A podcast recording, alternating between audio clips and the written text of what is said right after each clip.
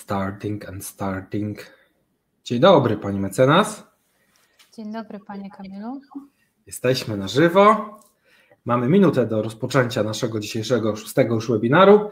Zaraz będziemy się z państwem witać. Czekamy na pierwszych gości. Dzień dobry. Dzień dobry. Proszę napisać, skąd państwo są. Mam nadzieję, że nas dobrze słychać. Takie pytanie teraz każdy zadaje. O, dzień dobry Panie Mariuszu, witam w Warszawę.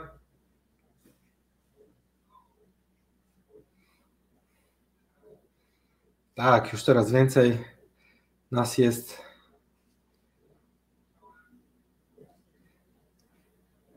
Dziękujemy. Dziękuję Panie Mariuszu.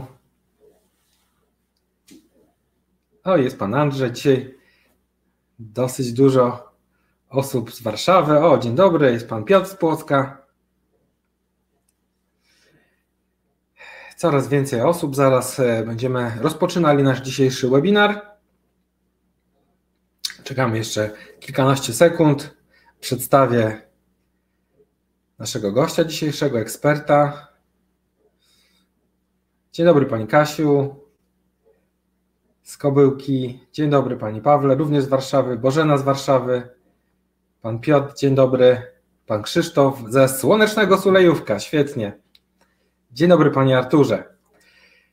Okej, okay, jest już 17. Mm, myślę, że to jest najlepszy czas, żeby rozpocząć punktualnie nasz dzisiejszy mm, webinar. E, witamy serdecznie i oczywiście od razu zaczniemy od e, przywitania. Dzisiejszy e, webinar będziemy prowadzili na temat innymi odroczenia rat kredytu dzięki pozwaniu banku, a w zasadzie dzięki mm, potencjalnemu zabezpieczeniu powództwa.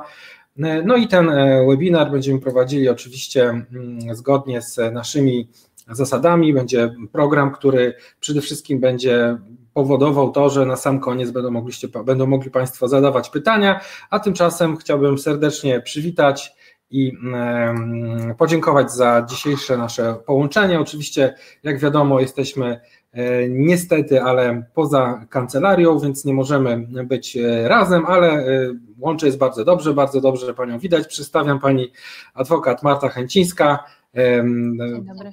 Dzień dobry Pani i chciałbym od razu zadać pytanie, które dotyczy tego dzisiejszego mm, wystąpienia. E, czy weryfikuje, weryfikowała Pani już sprawy dotyczące właśnie e, wakacji kredytowych? Jak banki przedstawiają przez, e, rozumiem to poprzez swoje oferty, czy na stronach internetowych, czy poprzez wnioski, które proponują, jakieś rozwiązania, które są dla klientów właściwe i czy nie zdarzają się jakieś propozycje e, do aneksów, czy też umowy, które byłyby określane jako nieuczciwe, bo słyszałem o tym, że rozpoczął się jakieś nawet postępowanie w Łokiku. E, tak jeszcze raz oficjalnie dzień dobry Państwu, dzień dobry Panie Kamilu. E, dziękuję za ponowne zaproszenie i tak jak Pan no niestety na wstępie zasygnalizował, wśród innych realiach niż było to do tej pory i faktycznie w rzeczywistości, która na pierwszy rzut oka wydaje się dla Państwa niesprzyjająca, e, i w dniu dzisiejszym chciałabym Państwu przedstawić szereg aktualnych informacji. Tutaj odpowiadając od razu na Pana e, pytanie, oczywiście ja zgłębiłam ten temat e, i chciałabym Państwu zobrazować to, że z każdej sytuacji jest wyjście i Państwo nie musicie bać się tego, co się przydarzy jutro, bo E, faktycznie jest tak, że wielu naszych klientów e, pisze do nas jako do pełnomocników o tym, że boją się oni utraty pracy, e, że kurs franka szwajcarskiego tak rośnie, że, że faktycznie ta przyszłość w czasach COVID-19 jest tak skrajnie niepewna. I mając na względzie te Państwa obawy, które ja oczywiście w całej rozciągłości podzielam, bo one są w pełni uzasadnione, no zdecydowałam się dzisiaj na takie skonstruowanie tego webinaru, E, żeby omówić te najpilniejsze, e, najpilniejsze problemy. I E, zacznijmy może od tych e, takich tradycyjnych warunków komercyjnych, to znaczy na odraczaniu rat kredytu, ale tych, które zakładają niejako e, pewien konsensus, czyli porozumienie między państwem jako kredytobiorcami a bankami. I faktycznie jest tak, co nastąpiło zgodnie z zapowiedzią Związku Banków Polskich przed kilku, przed kilku tygodni, że coraz więcej banków zapewnia swoim klientom możliwość odraczania spłaty rat kredytów. Natomiast co trzeba wyraźnie powiedzieć, to to, że każdy bank ma swoją procedurę. W większości jest to umożliwione przez internet, E, część banków e, takie aneksy umożliwia w drodze korespondencyjnej, to znaczy kurier przyjeżdża z umową do domu i trzeba ją podpisać. Część banków niestety będzie zapraszała kredytobiorców po kwarantannie do oddziałów, żeby złożyć podpisy. Natomiast to, co ja bym chciała wyraźnie zaznaczyć i, i na co zwrócić uwagę naszych widzów, to to, żebyście Państwo nie działali zbyt pochopnie i pod wpływem emocji. Jakby zrozumiała jest ta sytuacja, i, i że no lada dzień może się okazać tak, że Państwo nie będziecie mieć tego e, źródła e, dochodu. Natomiast istotne jest to, żeby skonsultować tę sprawę, ten, ten aneks, który zaproponuje Wam bank ze specjalistą, żeby na koniec tego dnia, po upływie tych wakacji kredytowych, te banki różnie to przedstawiają. Część banków umożliwia odroczenie e, spłaty na 3 miesiące, część na 6 miesięcy. Natomiast, żeby po upływie tego okresu nie okazało się, że państwa rata przewyższa wasze zdolności finansowe. I w prezentacji macie Państwo przedstawione różne warianty, które e, mogą zostać zaprezentowane, zaproponowane przez bank przy odraczeniu raty kredytu. Natomiast pamiętajmy o tym, że ten brak konieczności spłaty raty przez 3 lub przez 3, przez 3 lub przez 6 miesięcy nie jest umorzeniem rat. Państwo będziecie musieli zapłacić te raty, bo one po prostu są odwlekane w czasie na ten okres, który Państwo umówili się z bankiem. Natomiast co jest ważne, no to wszyscy chyba tutaj, którzy jesteśmy dzisiaj zgromadzeni na tym webinarze, jesteśmy świadomi, że bank nie jest w żaden sposób instytucją charytatywną i on sobie na tej czynności zarobi i to jeszcze z nawiązką, bo nie dość, że Państwo będziecie musieli zapłacić tę ratę, niezależnie w jakim wariancie, to też będziecie musieli pokryć zysk, pokryć odsetki, które bank sobie e, naliczy. Dlatego uczulam, żeby Państwo, którzy, e, którzy e, zdecydujecie, ewentualnie rozważacie te odraczanie rat kredytowych, zastanowili się i przeanalizowali ten zaproponowany przez e, bank wariant pod kątem swoich możliwości finansowych. Również to, na co chciałabym zwrócić uwagę, to jest to, że w wielu aneksach i to, na czym zwracał również rzecznik finansowy i on skierował, z kolei skierował tę sprawę do Łokiku, o, której pan, o, o którym Pan przed sekundką wspomniał, to to, że e, są banki, które e, w tych porozumieniach dotyczących tak zwanych wakacji kredytowych wklejają postanowienia, no, które znowu w mojej ocenie stanowią niedozwolone postanowienia umowne, bo one niestety znowu stawiają kredytobiorcę konsumenta w tej niekorzystnej sytuacji, znowu mają miejsce z tym rażącym pokrzywdzeniem po stronie konsumenta, znowu jest to z tym nadużyciem tej przewagi kontraktowej banku, no i niestety znowu po raz kolejny no, z naruszeniem tej równowagi E, kontraktowania. I uczulam Państwa, bo, bo są banki, które już w pierwszych postanowieniach e, tych e, porozumień kredytowych zawierają klauzule, gdzie jest wskazane przykładowo, że strony postanawiają, że w dniu zawarcia, w dniu podpisania niniejszego aneksu saldo kredytu z tytułu umowy, z tytułu zadłużenia numer wynosi X. E, I e, tutaj uczulam Państwa, bo e, ja znając praktykę banków i wiedząc, jak to wygląda w sądach, już wiem, że może być to postanowienie wykorzystywane przeciwko, a w zasadzie próbo, banki mogą próbować wykorzystać tę argumentację przeciwko kredytobiorcy, wskazując na przykład, tak jak mamy do czynienia w wielu postępowaniach, że doszło do nowacji postępowania. O ile w dniu dzisiejszym mamy sytuację bardzo dobrą i znacznie lepszą niż to jeszcze było rok czy dwa lata temu. I faktycznie Sąd Najwyższy już rozstrzygnął kwestię, że tego typu postanowienia absolutnie nie mogą być traktowane jako e, nowacja, czyli jako wygaszenie starego zobowiązania i zawiązanie nowego zobowiązania, bo banki twierdziły w postępowaniach sądowych, że na skutek podpisania tego typu aneksów z takim e, postanowieniem umownym, e, kredytobiorca sanował tą pierwotnie wadliwą umowę i w zasadzie ta umowa nie jest już nieważna, bo my nie mamy tego pierwotnego stosunku prawnego. My mamy coś zupełnie nowego, coś, co nie jest wadliwe, jest skuteczne i jak najbardziej zgodne z powszechnym z przepisami powszechnego prawa. I w tym wyroku 1 CSK 242 na 18 Sąd Najwyższy wyraźnie wskazał, że żeby doszło do nowacji, to e, musi być, musi istnieć wyraźna wola wygaszenia starego zobowiązania i, na, i zawiązania nowego zobowiązania. Natomiast w sytuacji, w której jesteście Państwo, e, to znaczy, kiedy udajecie się do banku po to, żeby jedynie odroczyć spłatę e, zobowiązań w związku z tą pandemią koronawirusa, e, czy, czy w związku z utratą jakiejś płynności finansowej, no to oczywiste jest, że nie idziecie po to, żeby modyfikować dotychczasowe zapisy w umowach. I w mojej ocenie no, banki mogą próbować podnosić takie argumenty, natomiast to w chwili obecnej będzie nieskuteczne. Natomiast Sąd Najwyższy w tym wyroku, co jeszcze chciałabym wyraźnie zaznaczyć, wskazał, że takie postanowienie może być rozważane w aspekcie uznania długu. I tutaj jakie są konsekwencje dla państwa? Otóż takie, że uznanie długu przerywa bieg przedawnienia.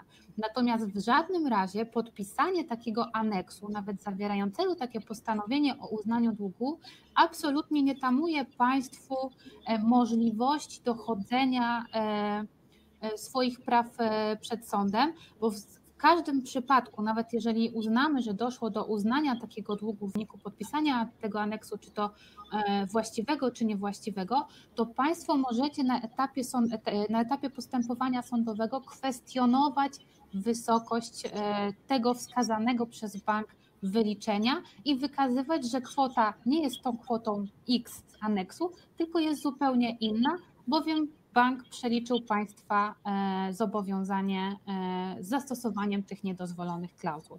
Także reasumując, jeżeli Państwo, którzy nas oglądacie, macie zamiar, zastanawiacie się, czy podjąć decyzję i zdecydować się na odroczenie spłaty raty kredytu, to bardzo proszę, żebyście Państwo zapoznali się z treścią tych podpisywanych dokumentów.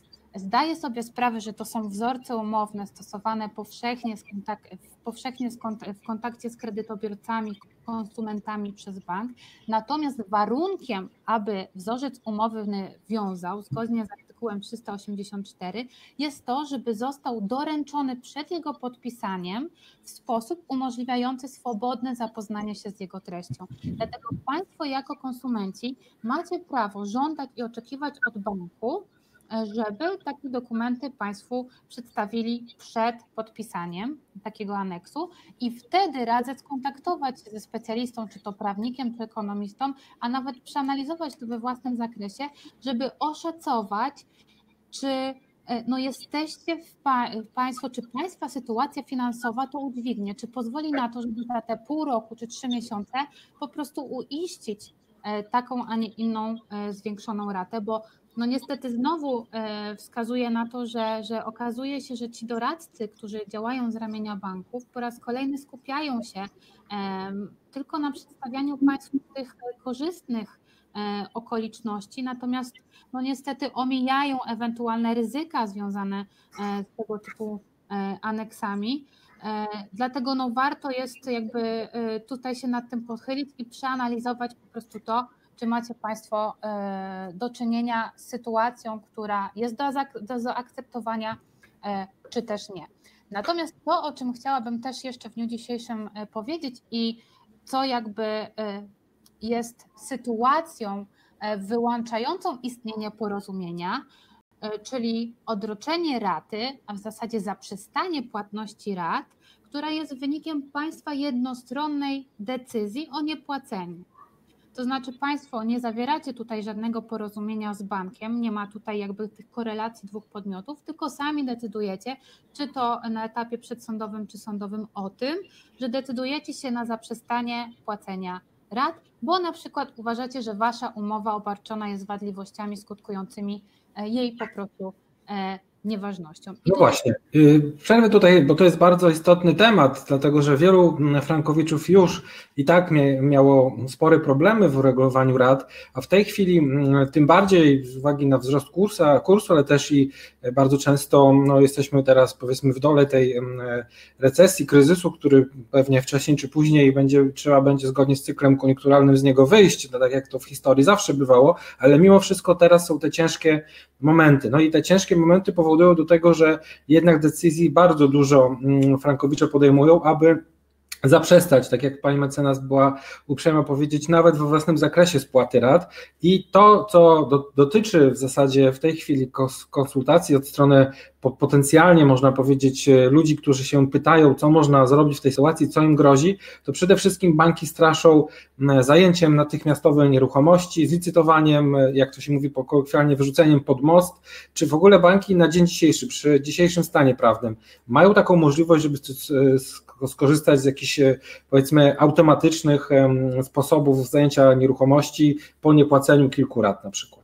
E, nie, absolutnie nie. To trzeba jasno i wyraźnie wskazać, bo to nie jest tak, jak Pan tutaj powiedział i co kreuje się w mediach, że ja w poniedziałek zaprzestanę płatności rat, w środę bank mi wypowie umowę, a w piątek komornik zlicytuje mi e, mieszkanie. Absolutnie to tak nie działa. E, i, I postaram się jakby przejść z Państwem tę, tę, całą procedurę, e, bo E, zdecydowanie się na niepłacenie rat przy odpowiedniej strategii, to znaczy przy przemyślaniu e, wcześniejszym e, swoich działań, no nie będzie wiązało się z takimi nagłymi konsekwencjami, no chociażby właśnie w postaci tej egzekucji komorniczej. No musimy jakby jasno powiedzieć, że mm, zaprzestanie płacenia rat czy to już na etapie, kiedy Państwo zdecydowaliście się, już jesteście na tym etapie sądowym w tej chwili, czy jeszcze się zastanawiacie, czy pozwać bank, e, no to z pewnością w każdym tym wariancie no, doprowadzi do wypowiedzenia e, umowy i to, to w mojej ocenie jest, jest pewnik, którego każdy z Państwa no, musi się e, spodziewać, że kiedy ta ilość niespłaconych rat urośnie do tego wskaźnika, które zapewne macie Państwo określone w umowie, tudzież w regulaminie, no bank wypowie tą umowę. Natomiast Dobrze, Pani, Panie no, adwokat, ale proszę powiedzieć, no jakby wypowiedzenie umowy to jest czynnością powiedzmy prawną, biorąc pod uwagę to, że w zasadzie wszyscy praktycznie frankowicze mają nadpłaty w umowie, czyli to e, bank jest winny pieniądze frankowiczom z uwagi na te wcześniej nie, nienależnie pobrane, przynajmniej w części, czyli pobrane raty na podstawie klauzul abuzywnych, które de facto dzisiaj stanowią pewnego rodzaju zobowiązanie w drugą stronę, czyli to Frankowicz może żądać zwrotu tych pieniędzy. Więc w takiej sytuacji, czy w ogóle takie wypowiedzenie mogłoby być przez sąd uznane jako skuteczne, jeżeli nawet doszłoby do drogi sądowej?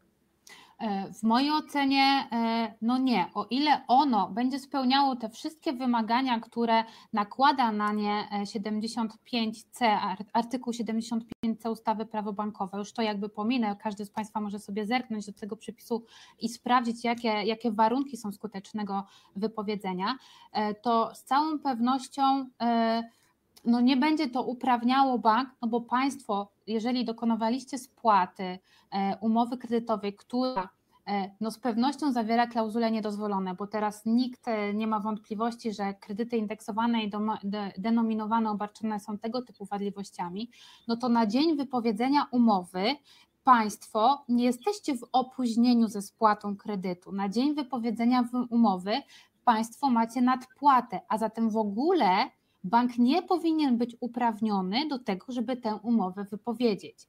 I to jest jeden z argumentów, które warto jest w takiej sytuacji przed sądem e, podnosić e, i które no niewątpliwie skutkuje tym, że powództwa banku są, e, są oddalane, a takie wypowiedzenia uznawane przez sądy za, za bezskuteczne. Natomiast tutaj jeszcze wracając do Pana tego pierwszego, pierwszej części pytania, no absolutnie w zasadzie bez prawomocnego wyroku bank poza windykacją no, i, i wpisaniem takiego kredytobiorcy do BIK-u czy PIG-u no nie ma żadnych innych mechanizmów. Ja tylko przypomnę, że bankowy tytuł egzekucyjny już nie działa. Nie ma również przepisu, który uprawniał do wydania nakazu zapłaty na skutek na podstawie ksiąg bankowych. Także no bank musi przeprowadzić postępowanie sądowe, żeby uzyskać e, prawomocny wyrok i dopiero wtedy może go skierować do, do, do egzekucji. Tak? Natomiast te umowy są tak wadliwe i tych argumentów przemawiających za tym, że na dzień wypowiedzenia umowy bank e, no nie miał, nie miał e, prawa do tego, żeby, żeby wypowiedzieć, bo kredytobiorca nie był w zwłoce, no jest tak dużo, że de facto no te, te, te wypowiedzenia faktycznie są uznawane jako jako wadliwe i muszę powiedzieć, że to już no, no może nie na masową skalę, albo, ale w bardzo dużej ilości postępowań e, tak, tak, tak się zdarza. Okej, okay, ale załóżmy, że pozwiemy bank. Pozwiemy bank z, o nieważność tej umowy, o zapłatę z tytułu nieważności, w zależności od tego, jaką strategię mm, przyjęłaby Pani w każdej konkretnej sprawie. No to tutaj mm, są mechanizmy i są chyba również już przypracowane sprawy, prawomocne wyroki, które zawieszały postępowanie, nawet wytoczone przez bank, z uwagi na to, że roszczenie e, kredytobiorcy jest dalej idące i dotyczy nieważności umowy, tak? To. E, tak, tutaj nawiązuje Pan e, jakby do instytucji fakultatywnego zawieszenia postępowania, dokładnie o artykuł, mówi Pan o artykule 177 paragraf 1 punkt 1 KPC, bo faktycznie może się zdarzyć taka sytuacja, że jeżeli Państwo już pozwaliście bank i zaprzestajecie płacenia rat, że w, z Państwa udziałem toczą się równolegle dwa postępowania, bo w międzyczasie bank wypowiada umowę i Państwa pozywa o zapłatę tego, tej, tej, tej wymagalności e, płynącej z, z wypowiedzianej umowy.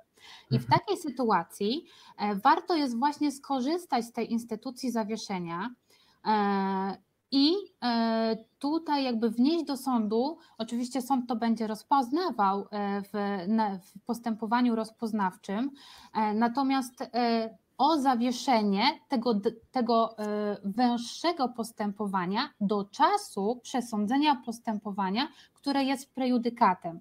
Czyli inaczej rzecz mówiąc, orzeczenie, które ma zapaść w tej państwa sprawie, powinno i stanowi przedsąd dla rozpoznawanej sprawy tej z inicjatywy banku, a treść państwa orzeczenia pośrednio poprzez e, powagę rzeczy osądzonej kształtuje treść rozstrzygnięcia.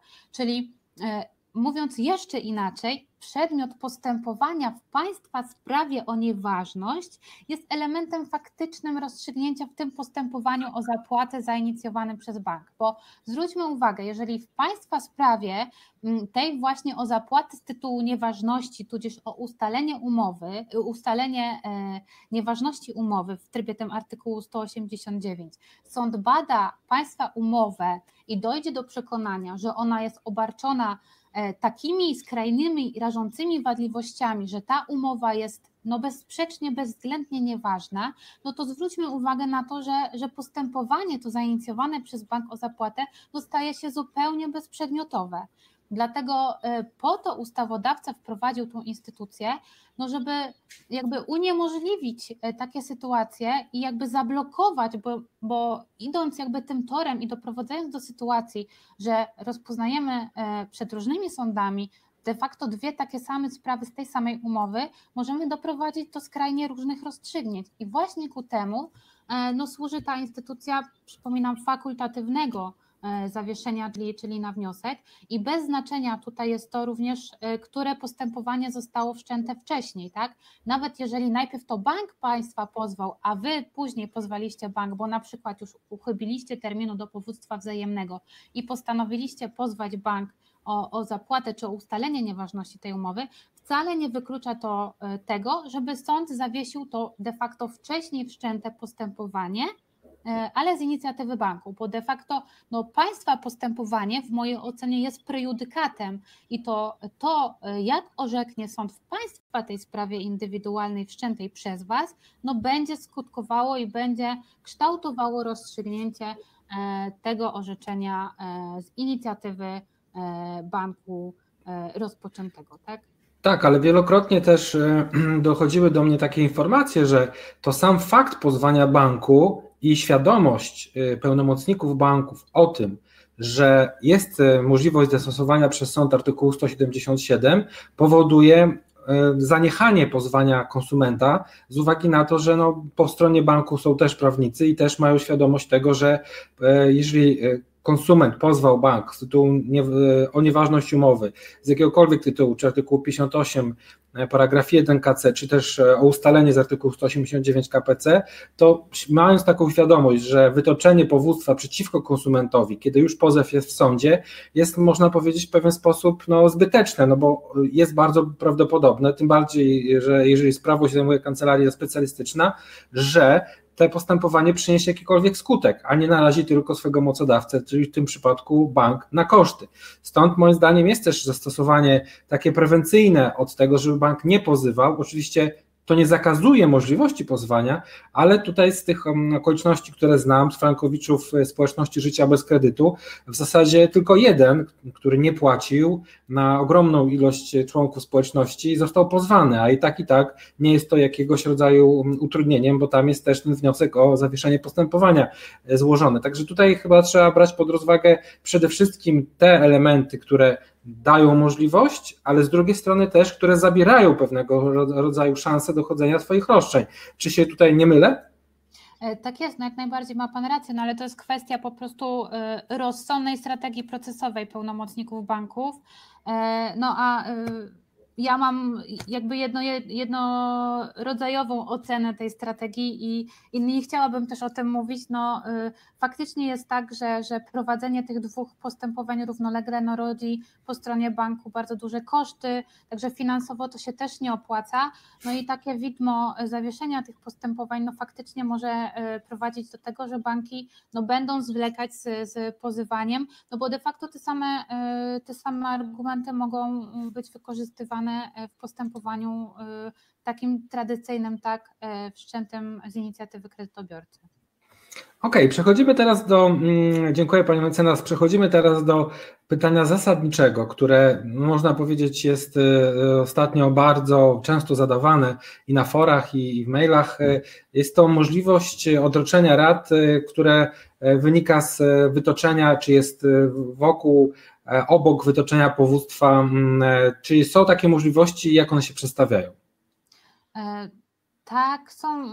Kodeks postępowania cywilnego jak najbardziej umożliwia tego typu możliwości. Dokładnie mówi Pan o wniosku o zawieszenie, w zasadzie wniosku o zabezpieczenie roszczenia kredytobiorcy, którym jednym z wariantów może być wniosek o zawieszenie płatności E, rad. I mm, co trzeba e, powiedzieć o tej instytucji, bo faktycznie ona jest teraz e, taką instytucją na czasie, która może faktycznie zaspokoić potrzeby wielu, wielu z Państwa, E, że taki wniosek może być złożony zarówno w pozwie, jak i w dalszym piśmie procesowym. Także e, ci z Państwa, którzy e, noszą się z zamiarem pozwania banku, jak najbardziej mogą taki wniosek jeszcze zawrzeć, natomiast ci, którzy już są na etapie postępowania sądowego, jak najbardziej do czasu jego prawomocnego rozstrzygnięcia również mogą taki, taki wniosek skonstruować.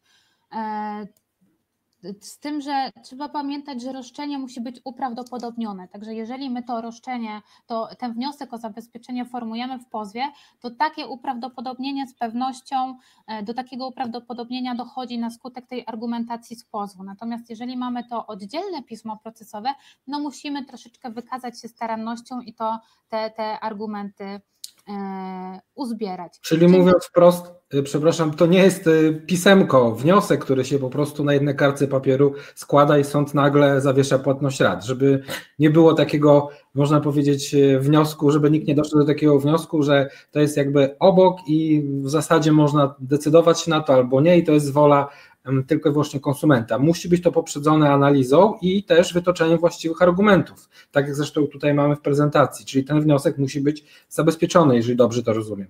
E, tak, jak najbardziej ja się zgodzę, mimo tego, że my tutaj nie mamy e, konieczności udowodnienia, a jedynie uprawdopodobnienia, to, to ten wniosek o, o zabezpieczenie jest to taki szczególny rodzaj e, powiedzmy takiego roszczenia w toku postępowania, bo chodzi o to, żeby na pierwszy rzut oka, to znaczy bez głębszego wnikania w te wszystkie aspekty, czy to faktyczne, czy dane danej sprawy, e, było widoczne to, e, że dane roszczenie no, przysługuje tej osobie uprawnionej, czyli tej, która wnosi o zabezpieczenie. Czyli bardzo istotnym jest to, żeby odpowiednio skonstruować ten wniosek, odpowiednio dobrać argumenty, żeby sąd rozpoznający, który tutaj on nie działa z automatu, on nie ma e, tutaj jakby e, obligo y, tego, żeby, żeby ten wniosek y, został uwzględniony.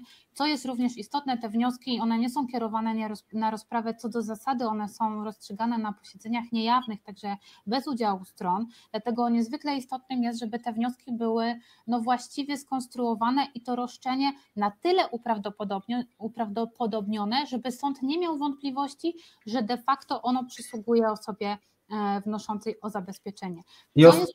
Mhm. I ostatni szczegół, przepraszam, jeszcze dopytam się, bo oczywistym jest, y, z tego wnioskuję, że nie można złożyć samego wniosku o zabezpieczenie roszczenia bez wytoczenia powództwa. E, to znaczy, przepisy dopuszczają złożenie takiego wniosku przed formalnym złożeniem powództwa, jak najbardziej KPC taką, taką konstrukcję dopuszcza, ale wtedy mamy i związujemy się ściśle oznaczonym terminem, kiedy to powództwo musi być złożone. Także jakby patrząc wszechstronnie, no nie można e, oderwać całkowicie tego wniosku o zabezpieczenie roszczenia, kredytobiorcy od postępowania, bo de facto, żeby ten wniosek miał rację bytu i on był i się ostał w tym sądzie, to postępowanie tak czy siak musi zostać później wszczęte, także tego nie unikniemy. Natomiast jeżeli w tym terminie, który sąd nam zakreśli, my tego, postęp, tego wniosku, e, tego powództwa głównego nie wytoczymy, to narażamy się niestety na, na, na poniesienie kosztów związanych z, z E, z tym wnioskiem o zabezpieczenie. Także tego, tego wariantu absolutnie e, tutaj nie doradzam.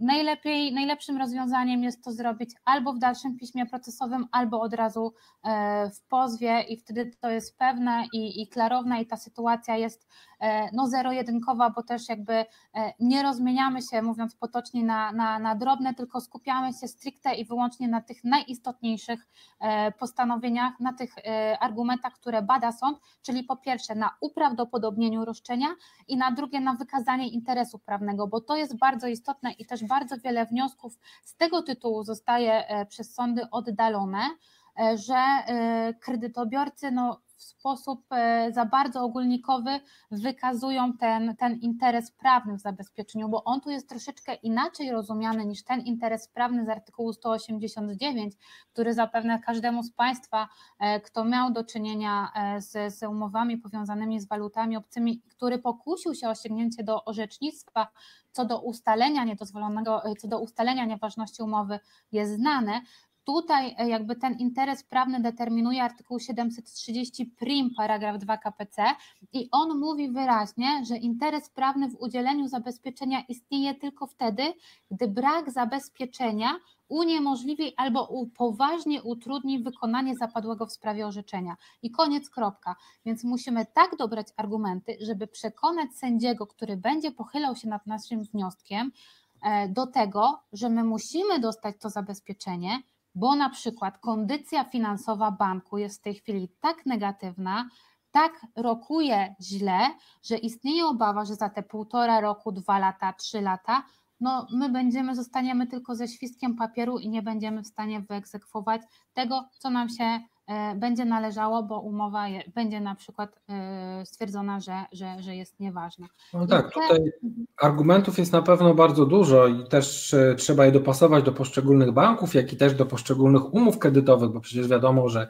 każda umowa też była nieco inaczej skonstruowana. Przy czym no, temat na pewno jest ciekawy i trzeba weryfikować to, czy w perspektywie czasu to orzecznictwo będzie w tym zakresie się stabilizowało. Na pewno warto jest e, przynajmniej zweryfikować taką możliwość i spróbować, jeżeli nie niesie to ze sobą jakichś poważnych e, retorsji, ryzyk, e, biorąc pod uwagę przede wszystkim to, że korzyść może być ogromna, bo jeżeli założymy, że postępowanie będzie trwało 2-3 lata do czasu prawomocnego wyroku, chociaż ja po, po cichu liczę na to, że powoli te postępowania będą kończone w pierwszej instancji, z uwagi na to, że jednak to jest duży koszt na odwołanie takiego wyroku, czyli przygotowania apelacji przez bank, więc jest nadzieja, przynajmniej tli się we mnie, że jest szansa na to, że te postępowania za rok, może dwa banki już przestaną jakby klarować apelacje w tym zakresie, ale mimo wszystko czas trwania takich procesów nie jest bardzo krótki, co powoduje, że w ramach takiego zabezpieczenia można e, poczuć naprawdę ulgę w niepłaceniu już rat, jeżeli sąd uzna faktycznie rację, czy uzna to, ten interes prawny, który pani adwokat miała, była uprzejma przedstawić tą, tą sytuację. I tak naprawdę z perspektywy w ogóle już samego rozpoczęcia procesu powoduje to, że nagle klient jeszcze bez wyroku, ale może liczyć na to, że nie będzie musiał płacić rat do czasu prawomocnego orzeczenia w postępowaniu. I tak jak mówiłem, miejmy nadzieję, że może będzie to krócej niż te 3 lata, ale mimo wszystko jest to dosyć długi okres, bo później tak, tak trzeba by było potencjalnie te pieniądze w ramach kolejnego powództwa, mm, albo rozszerzając powództwo, albo w, w ramach kolejnego powództwa, korzystając z powagi osądzonej, dochodzić. Więc tutaj wydaje mi się, że to, co pani mecenas jest bardzo ważne i istotne, że e, na pewno najważniejszym aspektem w tym e, jakby przygotowaniu takiego wniosku o zabezpieczenie i tak to przynajmniej wynika w tej chwili z obserwacji mm, orzecznictwa, jest to, żeby bardzo dobrze przygotować ten wniosek, żeby nie był to chyba taki potem, powiedzmy jakiś świstek papieru, tylko żeby to była argumentacja jeszcze nawet uzupełniająca pozew, więc trudno mi sobie wyobrazić, że na przykład ktoś by przygotował zabezpieczenie powództwa na kilkaset stron, gdzie w zasadzie tyle może mieć nawet pozew. No ale to już pomijając, mamy tutaj slajd jeszcze bazujący na tym, co bank może, czego nie może, podsumowując. Czyli widzimy, że bankowy tytuł egzekucyjny już nie istnieje. Proszę wytłumaczyć jeszcze naszym widzom, e, co się wydarzyło 7 listopada i jakie przestały funkcjonować przepisy. Mhm. E, przy okazji tej ostatniej nowelizacji procedury e, cywilnej z KPC, z kodeksu postępowania cywilnego, e, usunięto, uchylono przepis, który budził wiele kontrowersji i który w mojej ocenie już dawno, dawien powinien być usunięty, mianowicie artykuł 485 paragraf 3, który uprawniał sąd do wydawania nakazów zapłaty w sytuacji, gdy bank dochodził roszczenia na podstawie wyciągu z ksiąg bankowych E, I ta księga bankowa była podpisana przez osobę upoważnioną do składania oświadczeń e, woli w zakresie E, praw i obowiązków majątkowych banku i była e, opatrzona pieczęcią bankową. I co tutaj było e, ważne i co, co, co z mojego punktu widzenia jest pozytywne, to że od, ta, od tej sławetnej daty, czyli od 7 listopada 2019, tego przepisu nie ma, więc w zasadzie sądy nie są uprawnione, nie mają podstaw ku temu, żeby na bazie tego wewnętrznego dokumentu stworzonego przez bank, czyli tej księgi bankowej, która już dawien dawna nie była traktowana jako dowód w postępowaniu cywilnym, w ogóle wydawać nakazów zapłaty. Bo faktycznie przed tą datą dochodziło do takich sytuacji, e, że na bazie tych jednostronnie tworzonych e, przez bank, powtórzę jeszcze raz, dokumentów wewnętrznych, no, sądy wydawały nakazy zapłaty. Wiemy, że takie postępowania idą znacznie szybciej niż takie standardowe postępowania rozpoznawcze. No i kierowały bardzo szybko te postępowania do, do, do, do egzekucji. W tej chwili e, no, wygląda to tak, że bank nie może się posługiwać tego typu dokumentacją. Jeżeli ma ochotę, to może pozwać e, bank, może pozwać kredytobiorcę, ale w takim normalnym trybie kiedy, kiedy e, no to postępowanie trwa szerzej, kiedy mamy więcej możliwości, e, no i no nie jest to aż tak rażąco e, skrajnie niekorzystne i ta równowaga procesowa stron przedsiębiorca kontra, kontra konsument nie jest aż tak skrajnie nierównoważna. No ale tutaj mamy, wracamy do artykułu 177, czyli znowu możliwość zawieszenia postępowania z uwagi na dalej idące roszczenie o nieważność umowy.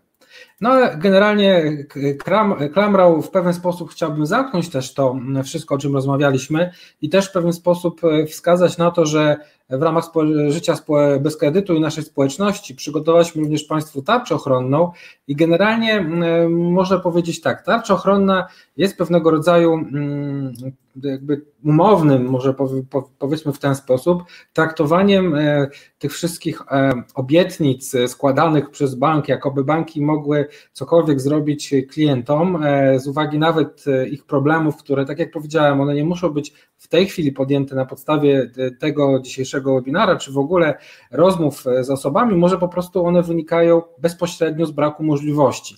No i wtedy pojawia się lęk, obawa przed takim przedsiębiorcą, który jawi się jako instytucja ogromna, która ma niby ogromnych, ogromnie bardzo dobrze przygotowanych prawników i ogromne środki na prowadzenie tego postępowania, ale tak naprawdę trzeba moim zdaniem zwrócić też uwagę na to, jak z perspektywy pani adwokat wygląda to postępowanie, czy ono w zasadzie dla tych klientów, które pani prowadzi sprawę, zauważa pani jakiś ogromny lęk czy strach E, tym wśród tych osób, które już się zdecydowały, bądź już może są na jakimś e, późniejszym etapie, czy nawet już zakończyły postępowanie. Czy odbywa się to w jakiś sposób bardzo stresujący, czy ma Pani problem z zapanowaniem emocji tych osób?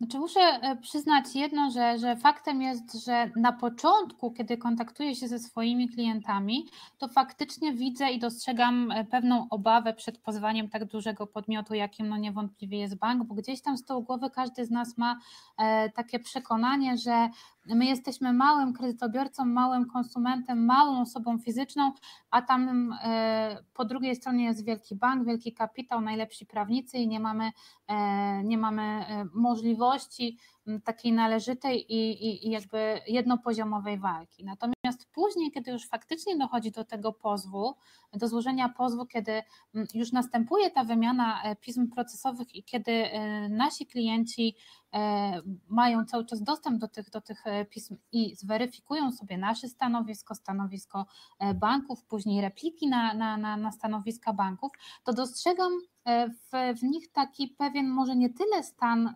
pewności, co y, pewnego rodzaju bezpieczeństwa, że faktycznie jest tak, że, że e, oni są zadowoleni z podjętej decyzji, nawet jeżeli nie ma tego, e, tego wyroku, bo to jest perspektywa kilku lat, ale dostrzegalne jest to, że przekonują innych kredytobiorców o tym, żeby, żeby podjąć działania e, no i zacząć tą walkę, bo to faktycznie nie jest tak, że, że, że państwo jako osoby fizyczne nic nie możecie zrobić. No przepisy, w szczególności te unijne, no, dają nam szereg możliwości, szereg argumentów, z których warto jest korzystać, no a de facto jeżeli e, nic z tym nie zrobicie e, i, i, i będziecie się zastanawiać, czy, czy udać się do sądu, czy nie, no to w końcu dojdziemy do takiej sytuacji, że, że e, no nie będzie już o czym, o czym rozmawiać, bo, bo de facto już albo kwota roszczeń będzie całkowicie przedawniona, mm, albo za, za podzieją się inne rzeczy, które, które jakby sprawią, że pozwanie nie będzie już tak atrakcyjne,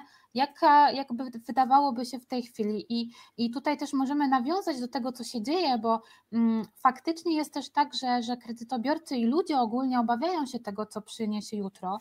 Natomiast wszyscy jesteśmy e, no teraz w tej, w tej dobie kwarantanny zamknięci w tych w tych czterech ścianach w domu.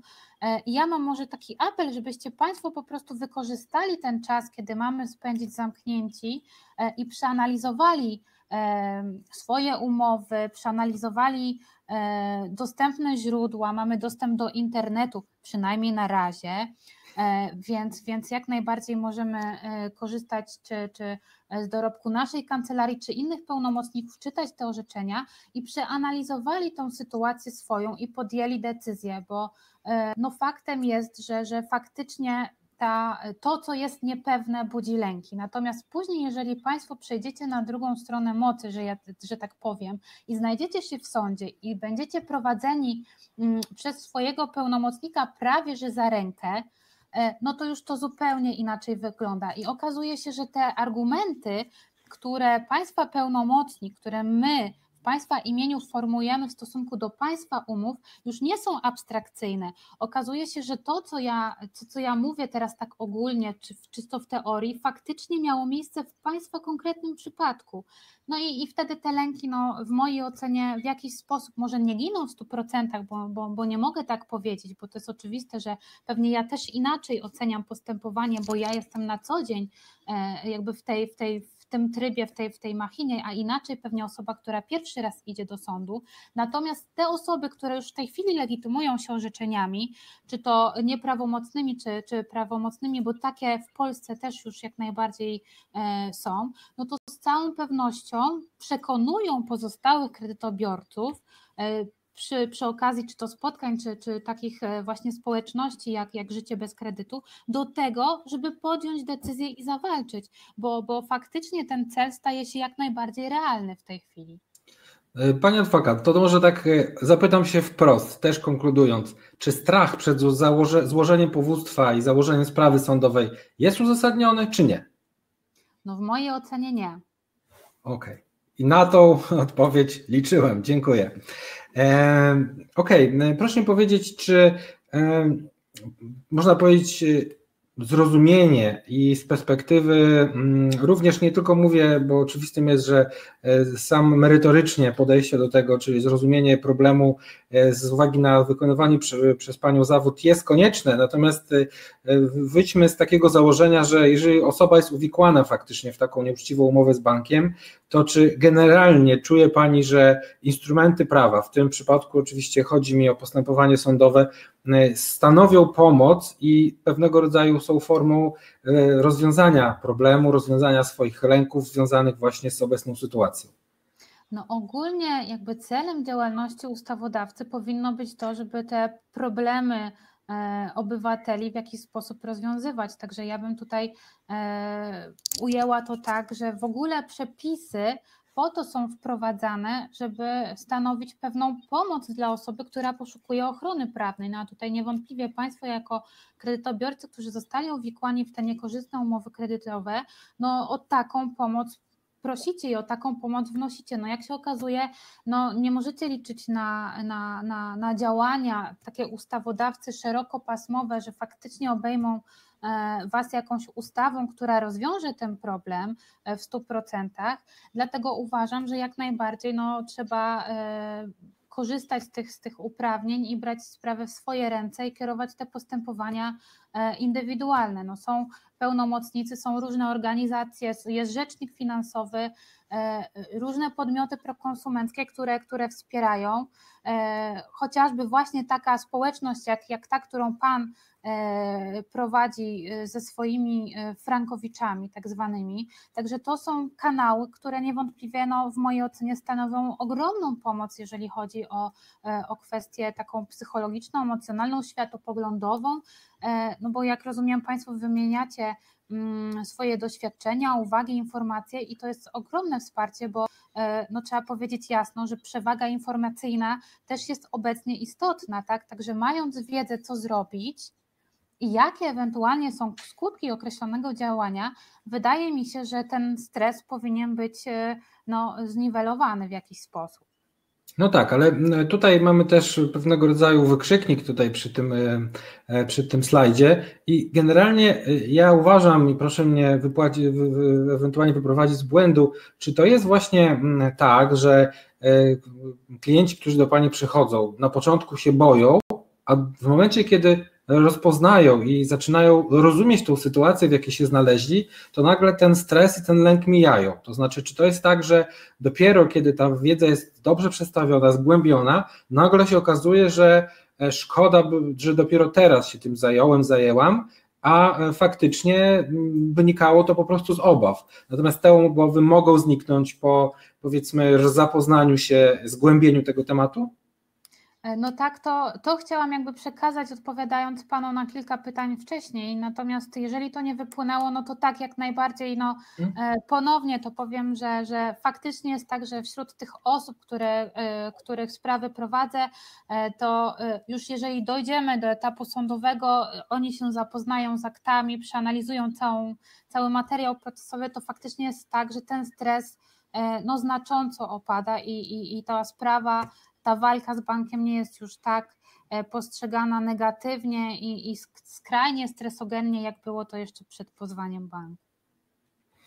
Okej. Okay. Też ze swojej strony jeszcze poinformować i przedstawić pewnego rodzaju nowe rzeczy, które będziemy wprowadzali w ramach blogów, w ramach społeczności Życia bez kredytu e, na Facebooku, gdziekolwiek Państwo by nie trafili do, do naszych publikacji. E, przede wszystkim chcemy niedługo wprowadzić również, i to będzie zadanie na najbliższe dni, tygodnie, do tego, żeby bliżej rozpocząć współpracę z panią psycholog, która będzie w jakiś sposób też wspominała Państwu podczas rozmów, poprzez, e, poprzez różnych e, publikacji, artykułów o tym, że tak naprawdę z perspektywy państwa i państwa problemów najgorsza jest taka dezinformacja, którą być może banki, zresztą na pewno robią to bardzo często, to jest wiele przykładów, starają się przedstawić Państwu jako negatywne scenariusze pozwania banku, a tak naprawdę mm, fakt tego, że dobrze przygotowany plan działania, i wizja celu, który w tym przypadku, jak tutaj dzisiaj rozmawiamy, jak powszechnie już wiadomo, jest, e, czyli osiągnięcie tego korzystnego wyroku jest e, bardziej prawdopodobne niż e, oddalenie powództwa w ramach tego postępowania. Już tak nie stwierdzając tutaj, jakie te procenty są, bo wiadomo, że możliwość wygrania sprawy jest dużo większa niż przegrania takiej sprawy. Generalnie rzecz ujmując, oczywiście każda umowa musi być potraktowana indywidualnie, bo w Polsce nie ma prawa precedensu, ale zgłębienie tematu, rozpisanie sobie tego wszystkiego i skontaktowanie się z osobami, które tak naprawdę dobrze wiedzą, na czym to wszystko polega, tym bardziej, że no już tutaj można się poszczycić nawet pięcioletnim doświadczeniem w prowadzeniu tych postępowań sądowych, tak naprawdę może spowodować, że te obawy znikną już na etapie przygotowania planu, planu działania, co spowoduje, że ten plan będzie mógł być oparty nie na powiedzmy incydentalnych jakichś e, czynnościach, ale bardziej na takim konstruktywnym e, zaplanowaniu zarówno i środków na pozwanie banku, biorąc pod uwagę to, jak trzeba finansować ten, te postępowanie, a z drugiej strony patrząc, jaki ma być efekt, to znaczy ile tak naprawdę z tej każdej złotówki włożonej w to człowiek odzyska spokoju, oczywiście pieniędzy, ale też i bezpieczeństwa na przyszłość. Moim zdaniem e, te kwestie związane z przygotowaniem planu działania będziemy prowadzili z panią e, psycholog i mam nadzieję, że również będą Państwu pomocne. Pani adwokat, czy chciała Pani podsumować jeszcze dzisiejszą prezentację, bo za chwilę przejdziemy do e, sesji pytań QA. Mhm. E, no, chciałabym podsumować to w ten sposób, e, co, co niejako już skomponowałam w swoją wypowiedź, żebyście Państwo wykorzystali ten moment takiego zawieszenia w tej chwili, tej próżni, w której się no niestety z uwagi na tą światową pandemię znaleźliśmy wszyscy i przeanalizowali sytuację, w której jesteście, e, pod kątem tego, żeby wybrać jak najkorzystniejsze z waszego indywidualnego punktu widzenia rozwiązania. E, czy mm, zdecydujecie się na e, odroczenie płatności rat? Czy na zaniechanie w ogóle wpłacania w tym trybie mm, zabezpieczenia, to zależy od Was. Natomiast każda decyzja w mojej ocenie powinna być e, e, poprzedzona Państwa wnikliwą i co ważne, świadomą e, decyzją. Tak jest. Dziękuję za to podsumowanie i za udzielenie odpowiedzi na te pytania, które do tej pory miałem. Natomiast oddajmy teraz głos naszym szanownym gościom na dzisiejszym webinarze. Będę starał się zadawać te pytania po kolei, chociaż wiem, że bardzo dużo pytań nie jesteśmy w stanie odpowiedzieć, dlatego proszę, żebyście Państwo czym wcześniej zadali te pytania, tym lepiej. Mamy jeszcze około 40-50 minut na odpowiedzi. Mamy też listę pytań, które już Państwo przesłali, zapisując się na webinar. Natomiast pozwolę sobie zacząć od e, pytania takiego stricte, e, można powiedzieć, dotyczącego windykacji. E, pan Piotr pisze, że w ostatnim upomnieniu, jakie otrzymał od banku, ten bank zawarł informację, że jeżeli pan Piotr ma problem ze spłatą kredytu, to może sprzedać nieruchomość, spłacić kredyt. I o co to może chodzić, pyta się pan Piotr. Może bank ma jakąś propozycję do pana Piotra? Mhm. Czy to jest jakby powód y, do tego, żeby faktycznie rozpoznawać to, czy raczej bardziej chodzi o to, że bank chciałby, żeby pan Piotr spłacił tak naprawdę nieuczciwie skonstruowany na dzień dzisiejszy saldo kredytu, po to, żeby można powiedzieć dać jeszcze więcej bankowi zarobić, no bo w zasadzie na to by się do tego pytania by się sprowadzało. Pan Andrzej pyta, czy historia spłat na stronie banku jest wystarczająca do pozwania banku? Tak, jak najbardziej. Znaczy, trzeba tutaj też powiedzieć, że faktem jest, że coraz więcej banków w tej chwili bardzo E, przeciąga w czasie wydawania tych zaświadczeń, o które e, my zawsze wnioskujemy, bo e, no niewątpliwym jest to, że Państwo musicie swojemu pełnomocnikowi, pełnomocnikowi przygotować komplet niezbędnych dokumentów do tego, żeby on spo, mógł sporządzić taki skuteczny i należycie staranny pozew. I jednym z takich dokumentów jest właśnie historia kredytowa. Jeżeli Pan ma taką sytuację, bo niewiele banków, chyba ja kojarzę dwa, E, podmioty, które faktycznie umożliwiają pobieranie takiej pełnej historii kredytowej swoje, ze swojego rachunku, to proszę to zrobić. Jak najbardziej, jeżeli tam jest cała historia e, wpłacanych przez Pana e, rad zawarta, jak najbardziej jest to podstawą do skonstruowania pozwu wyliczenia państwa panu, panu roszczenia, bo składając wniosek o wydanie zaświadczenia, już pomijam to, że pewnie bank pobierze sobie jakąś opłatę za tego typu czynności, ale może się Pan po prostu nie doczekać, bo w tej chwili czekamy po 3-4 miesiące e, i nasi klienci no nie mogą się mimo wielokrotnych monitów doczekać tych zaświadczeń, no a to jest celowe, niewątpliwie celowe, bo banki zdają sobie, zdawają sobie sprawę z tego, że bez tych zaświadczeń Państwo nie jesteście w stanie skonstruować petitów pozwów, w związku z tym no ociężale do tego podchodzą, mimo tego, że mają obowiązek odpowiedzieć, to po prostu zwlekają i nie odpowiadają. Także proszę pobrać, reasumując, i proszę to wykorzystać jak najbardziej. E, kolejne pytanie, mm, e, powiedziałbym, że w pewien sposób też dotyczące mm, postępowania sądowego i kosztów E, no tutaj z perspektywy żadnych ofert, czy też stawek success fee nie będziemy się wypowiadali, no bo to jest na pewno sprawa indywidualna, ale proszę powiedzieć, jak wygląda pracochłonność, to znaczy jak z Pani perspektywy, jako osoby, która się tym zajmuje już od wielu lat, wygląda czas pracy spędzony na przygotowaniu takich pozwów, na później ewentualnie pism procesowych, no i różnych okoliczności, które wiążą się tak naprawdę z kosztami, no bo jednak czas w tym przypadku to są wymierne koszty. Mhm. E, faktycznie jest tak, że te sprawy są szczególnego rodzaju, bo my musimy pamiętać, że oprócz e, takiej materii stricte cywilistycznej, z którą mamy niewątpliwie do czynienia, no te sprawy y, dosięgają też bardziej takich e, branżowych kwestii, jak prawo bankowe, ekonomia, matematyka. Także po pierwsze trzeba mieć należyte przygotowanie jakby z szerszej dziedziny, szerszych dziedzin nie tyle prawa, co, co ogólnie wiedzy, żeby należycie skonstruować ten pozew.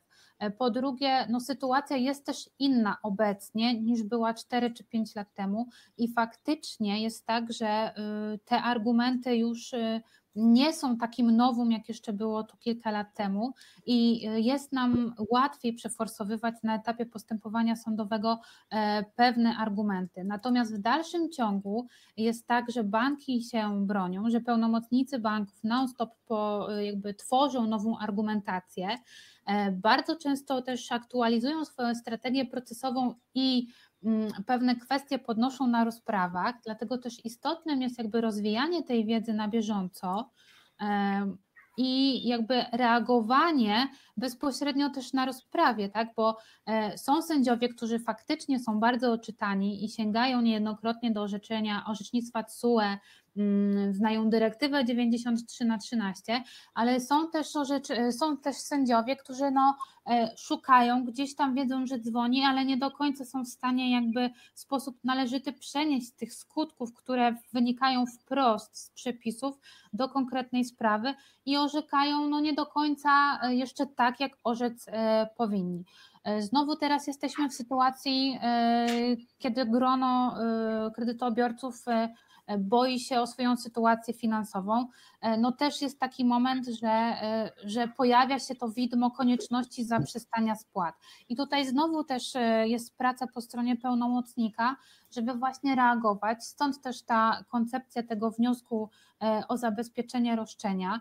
Mm, I tutaj też to trzeba należycie umotywować. Trzeba prześledzić przede wszystkim kondycję finansową banków. Trzeba czytać sprawozdania finansowe, badanie biegłych rewidentów, porównywać sytuację, porównywać wykresy, czytać, śledzić strony internetowe banków, jakieś raporty bieżące. Także to jest non-stop praca e, czytanie nowych orzeczeń, czytanie orzecznictwa. No teraz pojawiło się nowe orzeczenie Sądu Najwyższego, e, w którym też Sąd Najwyższy niejako ucieka od tej dotychczasowej linii i stwierdza nieważność umowy kredytu indeksowanego.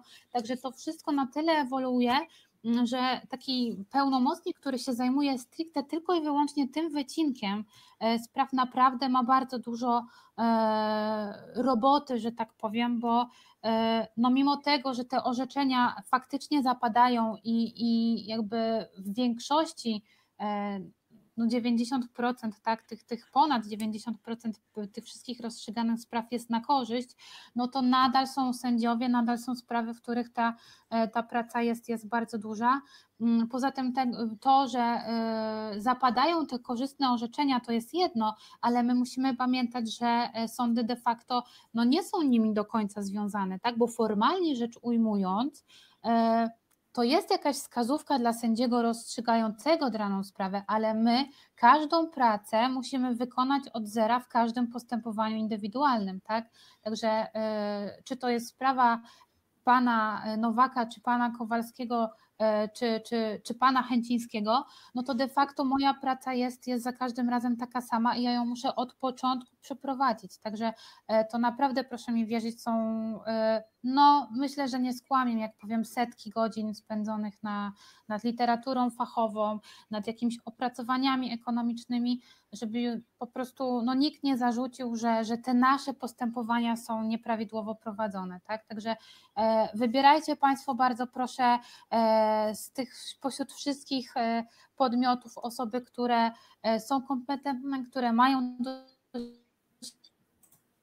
doświadczenie, no bo niestety ta sprzyjająca e, sytuacja, z którą obecnie mamy do czynienia i te korzystne wyroki, które cały czas zapadają i one będą niewątpliwie na Państwa korzyść zapadać, no bo przepisy są w mojej ocenie e, jasne i tutaj nie ma jakby wątpliwości, że te klauzule są, nie są niedozwolone, a, a Państwa umowy nie są obarczone tymi wadami.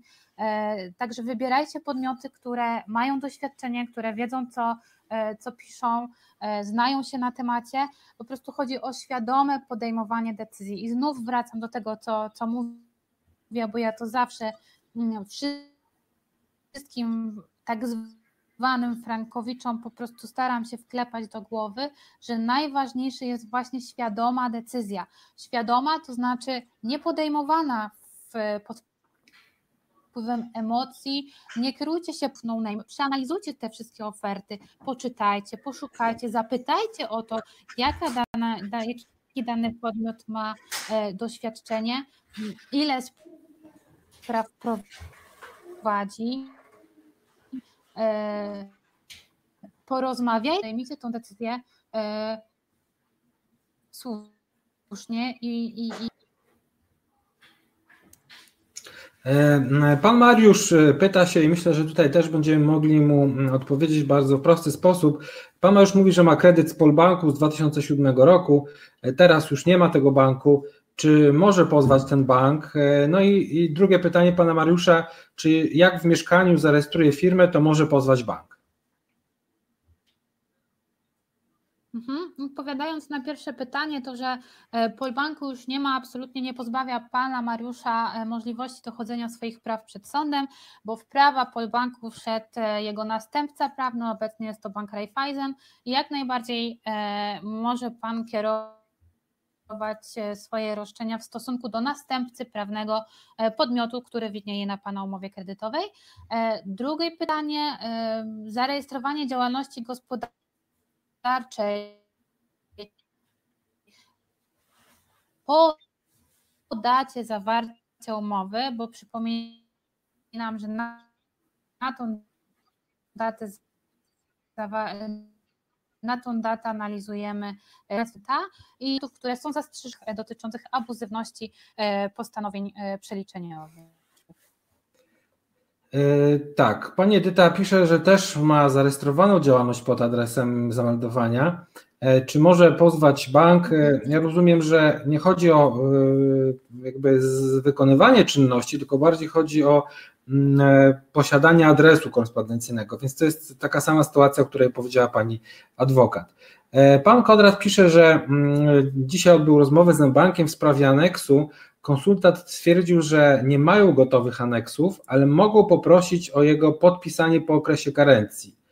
E, no, pan e, Konrad skomentował to, że jest to dla niego mistrzostwo. Co pani mecenas na ten temat myśli o podpisywaniu aneksów po karencji? E, znaczy, ja bym panu tutaj może zaradziła sformułowanie swojego wniosku i wysłanie do banku. Jestem ciekawa, jak bank zareaguje na takie pana oświadczenie złożone na piśmie, bo, bo, bo to, że bank pana zamyk wiele tutaj niebezpieczeństw, o których, o których ja mówiłam, chociażby to, że e, panu nikt wcześniej tego wzorca umownego e, do wglądu nie przedstawi. Mam pytanie mm, kolejne. Czy unieważnienie umowy z teorią salda jest korzystne dla kredytobiorcy? E, tak, no jest najbardziej korzystne, bo dochodzi do y, unieważnienia tej spornej umowy kredytowej, tak? Mm, natomiast co do teorii Sarda, ja też mam jakby konkretne zdanie. Ja uważam, że ona y, no, y, nie ma racji bytu. Natomiast zdaję sobie sprawę, że, że sędziowie próbują jakiegoś i poszukują złotego środka i orzekają zgodnie z teorią Salda, może nie będę już wchodziła e, aż w tak szczegółowe tematy, natomiast co do zasady dla Państwa jak najbardziej jest korzystna, tak? bo macie Państwo stwierdzoną nieważność umowy i Was z bankiem już nic e, w postaci tego stosunku cywilno, e, cywilnoprawnego nie wiąże. Mm, także jak najbardziej odpowiadając na Pana pytanie, tak, jest korzystna. Okej. Okay. Pan Piotr pyta się, czy z artykułu 177 KPC również y, ma swoje zastosowanie w sytuacji, kiedy postępowanie prowadzone jest y, przed rzecznikiem finansowym. Chyba tutaj nie. E, to znaczy, faktycznie jest tak, że to inne postępowania cywilne, o którym mówi ten artykuł 177, e, e, z tego co, co kojarzę, orzecznictwo jest bardzo szeroko jakby traktowane i, i tutaj dopuszczane są jakby sprawy cywilne, czy to E, toczące się w procesie czy nie procesie. Natomiast tutaj też ja bym miała pewne wątpliwości o tyle, że mm, to postępowanie przed rzecznikiem, e, ono jest o tyle wątpliwe, że ja e, przynajmniej w swojej praktyce nie spotkałam się z, z zakończeniem go finalnie zadowolenia zadowolony i żeby jego ten interes był w jakikolwiek sposób zabezpieczony. Z reguły do sądu i tak wszczynają swoje postępowania w tym trybie takim tradycyjnym, to nazwijmy. Natomiast tutaj też bym chciała, bym uważała, że należała, należało kątem e, właśnie tej prejudycjalności. E, to znaczy, czego dotyczy, jakich kwot przede wszystkim dotyczy, e, co co tam zostało e, przed tym rzecznikiem zaproponowane e, i czy to faktycznie się zazębia z tym ewentualnym e, postępowaniem, z ewentualnym pozwem w postępowaniu rozpoznawczym przed sądem okręgowym, tudzież no tak, no. jeżeli Pytanie, czy znamy jakiekolwiek rozstrzygnięcia, które pochodzą od rzecznika finansowego, bo z wiedzy, którą posiadam, jeszcze ani razu rzecznik finansowy nie doprowadził postępowania do końca, a na pewno takiego końca, które by cokolwiek e, przyniosło. To też jest pytanie, czy w ogóle jest jakakolwiek celowość utrzymywania tego postępowania. E, pan e, Mariusz pyta się, czy zawarcie aneksu i odroczenie, czyli ktoś już to zrobił, tak? czyli ktoś już zawarł aneks i odroczył płatność rat, pozbawia możliwość pozwania banku teraz. Jeszcze raz to powiem, żebyście Państwo zapamiętali, że e, zawarcie aneksu i wprowadzenie tej karencji, tudzież wakacji kredytu wybawia Was możliwości dochodzenia swoich praw e, przed sądem. Rozumiem. E, dziękuję za odpowiedź. Kolejne pytanie. Mm, Panie Piotrze, Pan się pyta, ile kosztuje pozwanie banku? To może odpowiemy trochę inaczej. Panie Piotrze, to zależy od umowy, od wszystkich okoliczności związanych z tą umową. Wobec tego no może wkleimy tutaj konfigurator ofert i będzie Pan mógł sobie e, skorzystać z tej funkcji i na podstawie tego konfiguratora ofert po prostu e, w perspektywie czasu będzie Pan mógł po prostu się zaangażować w, w, we własnej sprawie, w ewentualną możliwość rozpoznania zarówno tych okoliczności, które są związane z kosztami, jak i tych, to, które mogą prowadzić do korzyści.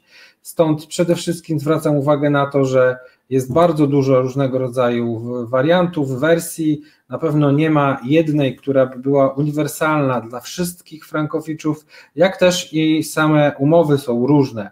Stąd y, trzeba pamiętać o tym, że bardzo dużo mm, frankowiczów ma e, przedstawione oferty i też one są e, bardzo często bardzo szerokie i tylko i wyłącznie z tej perspektywy nie można powiedzieć bezpośrednio, ile kosztuje pozwanie banku. No tutaj przede wszystkim trzeba oprzeć się na własnym przypadku i na własnym, własnych ustaleniach. Kolejne pytanie od Pani Agnieszki.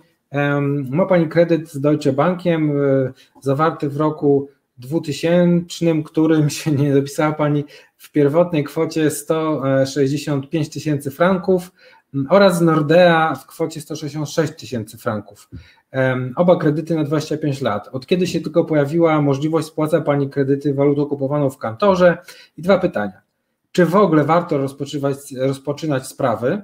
Drugie pytanie. Czy fakt, że spłaca Pani raty przed zakupem, e, przez zakup e, w kantorze internetowym działa przeciwko Pani Agnieszce? Czyli pierwsze pytanie, czy warto pozywać Bank Deutsche Bank i PKO z uwagi na kredyt Nordea Habitat? I drugie pytanie, czy e, problemem jest to, że Pani Agnieszka zaczęła spłaty bezpośrednio w walucie? Mhm. Odpowiadając Pani Agnieszko na Pani pytania, e, e, absolutnie to, że ma Pani umowę z Deutsche Bankiem i, i z Nordeą nie niweluje możliwości pozwania tych banków. E, również to, że dokonuje Pani spłaty bezpośrednio w walucie, mm, także nie, nie, nie, jakby nie niweczy e, argumentacji, która, którą może Pani e, podnosić w takim ewentualnym postępowaniu. Z tego, co, co rozumiem, wypadałoby tylko przeanalizować, czy ta możliwość spłaty była zagwarantowana w umowie od razu na datę jej zawarcia. Przypuszczam, że nie. Jeżeli podpisywała Pani jakikolwiek aneks umożliwiający dokonywanie spłaty, to już jest dla mnie bardzo pozytywny sygnał wskazujący, że umowa uniemożliwiała dokonywanie spłaty bezpośrednio w walucie obcej i na bazie tej mogę zbudować bardzo dużo argumentów, które są e, korzystne z Pani punktu widzenia. E, przy Nordei Habitat ja tutaj nie widzę e, jakiegokolwiek problemu.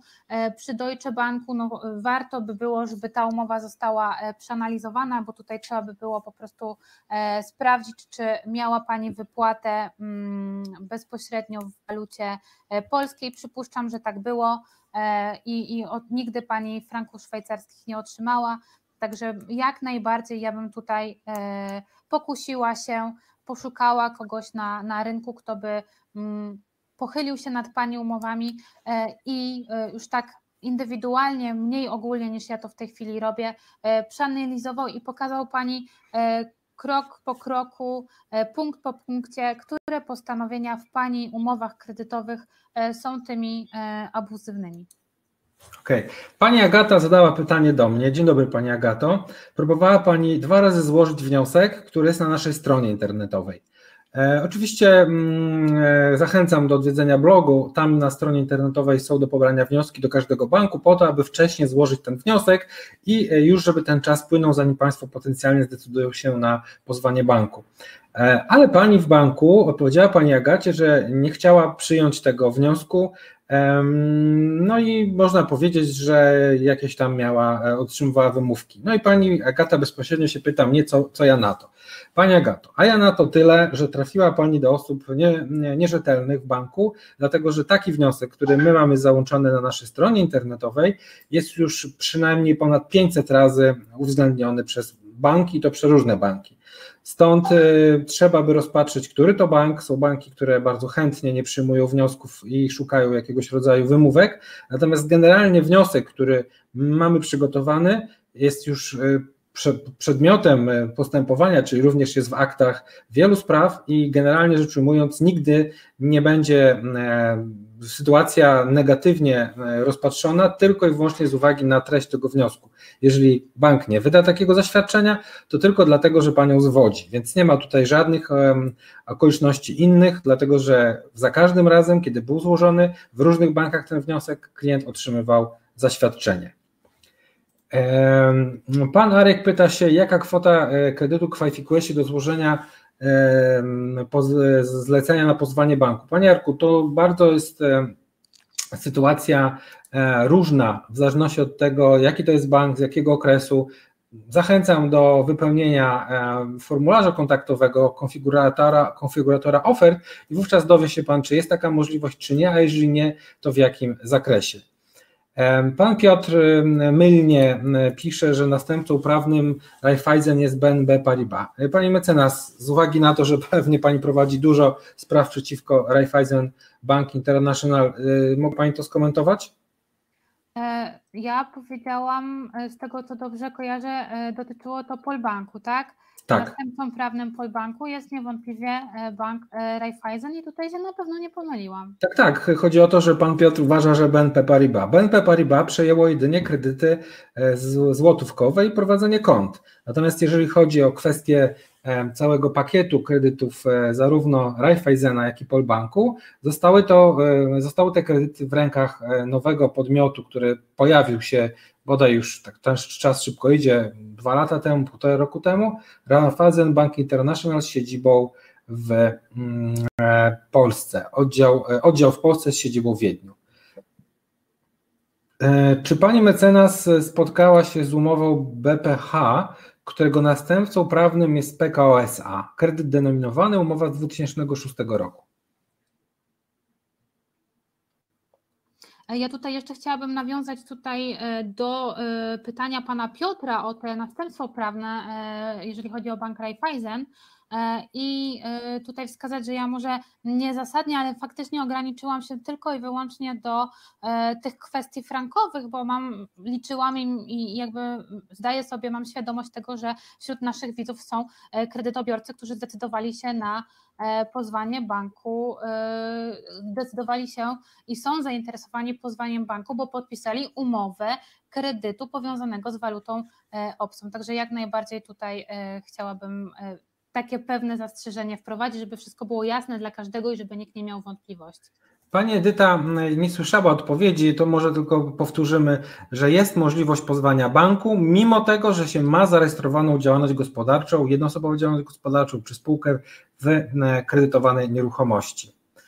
E, czy znowu inne pytanie? Pan Tomasz pyta, czy jeżeli e, kredyt brał na nieruchomość, którą przeznaczył konkretnie już na działalność gospodarczą, czy może w ogóle liczyć w takim przypadku na unieważnienie umowy kredytowej? Czy jest to jakkolwiek możliwe? Czy jest absolutnie już odrzucona taka możliwość? E, to znaczy, tutaj też e, radziłabym panu e, skonsultowanie się z prawnikiem, bo to jest bardzo istotne, żeby wyłapać te właściwe postanowienia dotyczące celu umowy. Mm, natomiast w tym najgorszym przypadku, jeżeli faktycznie pan jest traktowany jako przedsiębiorca, to e, jak najbardziej może Pan e, wnosić o unieważnienie umowy, e, ale to będzie troszeczkę w innym trybie, to znaczy zastosowaniem innej argumentacji, bo co do zasady no, odpadnie nam niestety ta cała prokonsumencka ochrona i w tej sytuacji, jeżeli nie da się z Pana zrobić w żaden sposób konsumenta, mm, i będziemy musieli iść w to postępowanie gospodarcze, bo będzie Pan traktowany jako przedsiębiorca, to na przykład będziemy mogli skorzystać e, z takiej instytucji nadzwyczajnej, z nadzwyczajnej zmiany stosunków, e, z klauzuli rebus sit stantibus tak zwanej e, i wykazywać, że no ta umowa w konsekwencji zmian, na które Pan nie miał wpływu i które one były nie do przewidzenia mm, w dacie zawarcia umowy, jest, powinna upaść, tak? Jasne. Kolejne pytanie. E, pani Agata precyzuje, że chodzi o bank PKO. E, Pani Agato, na 100% ten wniosek jest dobrze skonstruowany i trzeba po prostu brnąć, bo bank będzie celowo z, chciał zaniechać wydania takiego zaświadczenia. Absolutnie ten wniosek jest dobrze skonstruowany. Tutaj kolejne pytanie e, pani Iwony. Czy w związku z negatywną oceną strategii banków dotyczących właśnie tych wakacji kredytowych, czy takie podmioty jak Łokik mogą nałożyć karę na te klauzule abuzywne stosowane w aneksach? No tak, jak najbardziej. To jest to, co ja mówiłam na początku i co niejako też jakby teraz podnosi rzecznik finansowy i, na co słusznie pani Iwona zwróciła uwagę, jeżeli Urząd Ochrony Konkurencji i Konsumenta uzna, e, że te działanie banków, czyli wpisywanie tych postanowień dotyczących uznania długów, te aneksy dotyczące wakacji kredytowych były na tak szeroką skalę, że możemy uznać to na przykład za praktykę nieuczciwą, to jak najbardziej te banki mogą być e, przez Urząd Ochrony Konkurencji i Konsumentów ukarane również finansowo. Okej. Okay. Mam tutaj e, kilka pytań jeszcze, e, bo obiecałem, że również odpowiemy na te pytania.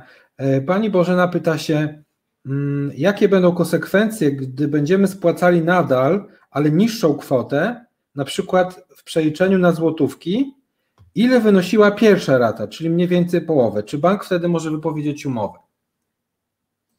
E, no to trzeba by było pochylić się też nad e, konkretną umową i nad regulaminem. Niestety tutaj nie mam informacji, który to był bank i nie mogę e, jakby sobie odtworzyć tego, tego wzorca umownego, bo zapewne każdy z Państwa ma określony limit w w umowie, który uprawnia bank do e, zaprzestania, do wypowiedzenia umowy, to znaczy najpierw wezwania państwa do zapłaty, a później do e, wypowiedzenia. Faktycznie jest tak, że, że część klientów, z którymi ja miałam do czynienia na etapie swojej działalności zawodowej, wpłaca jakieś części raty, żeby jakby ta, to zaniechanie uiszczania tych płatności nie był tak rażący i w, w wielu ilościach przypadków udaje się uniknąć tego wypowiedzenia. Natomiast na jakiej zasadzie podejdzie ten konkretny bank, nie wiem, bo po pierwsze nie znam e, jakby tego banku, natomiast to już jest jakby decyzja po stronie przedsiębiorcy.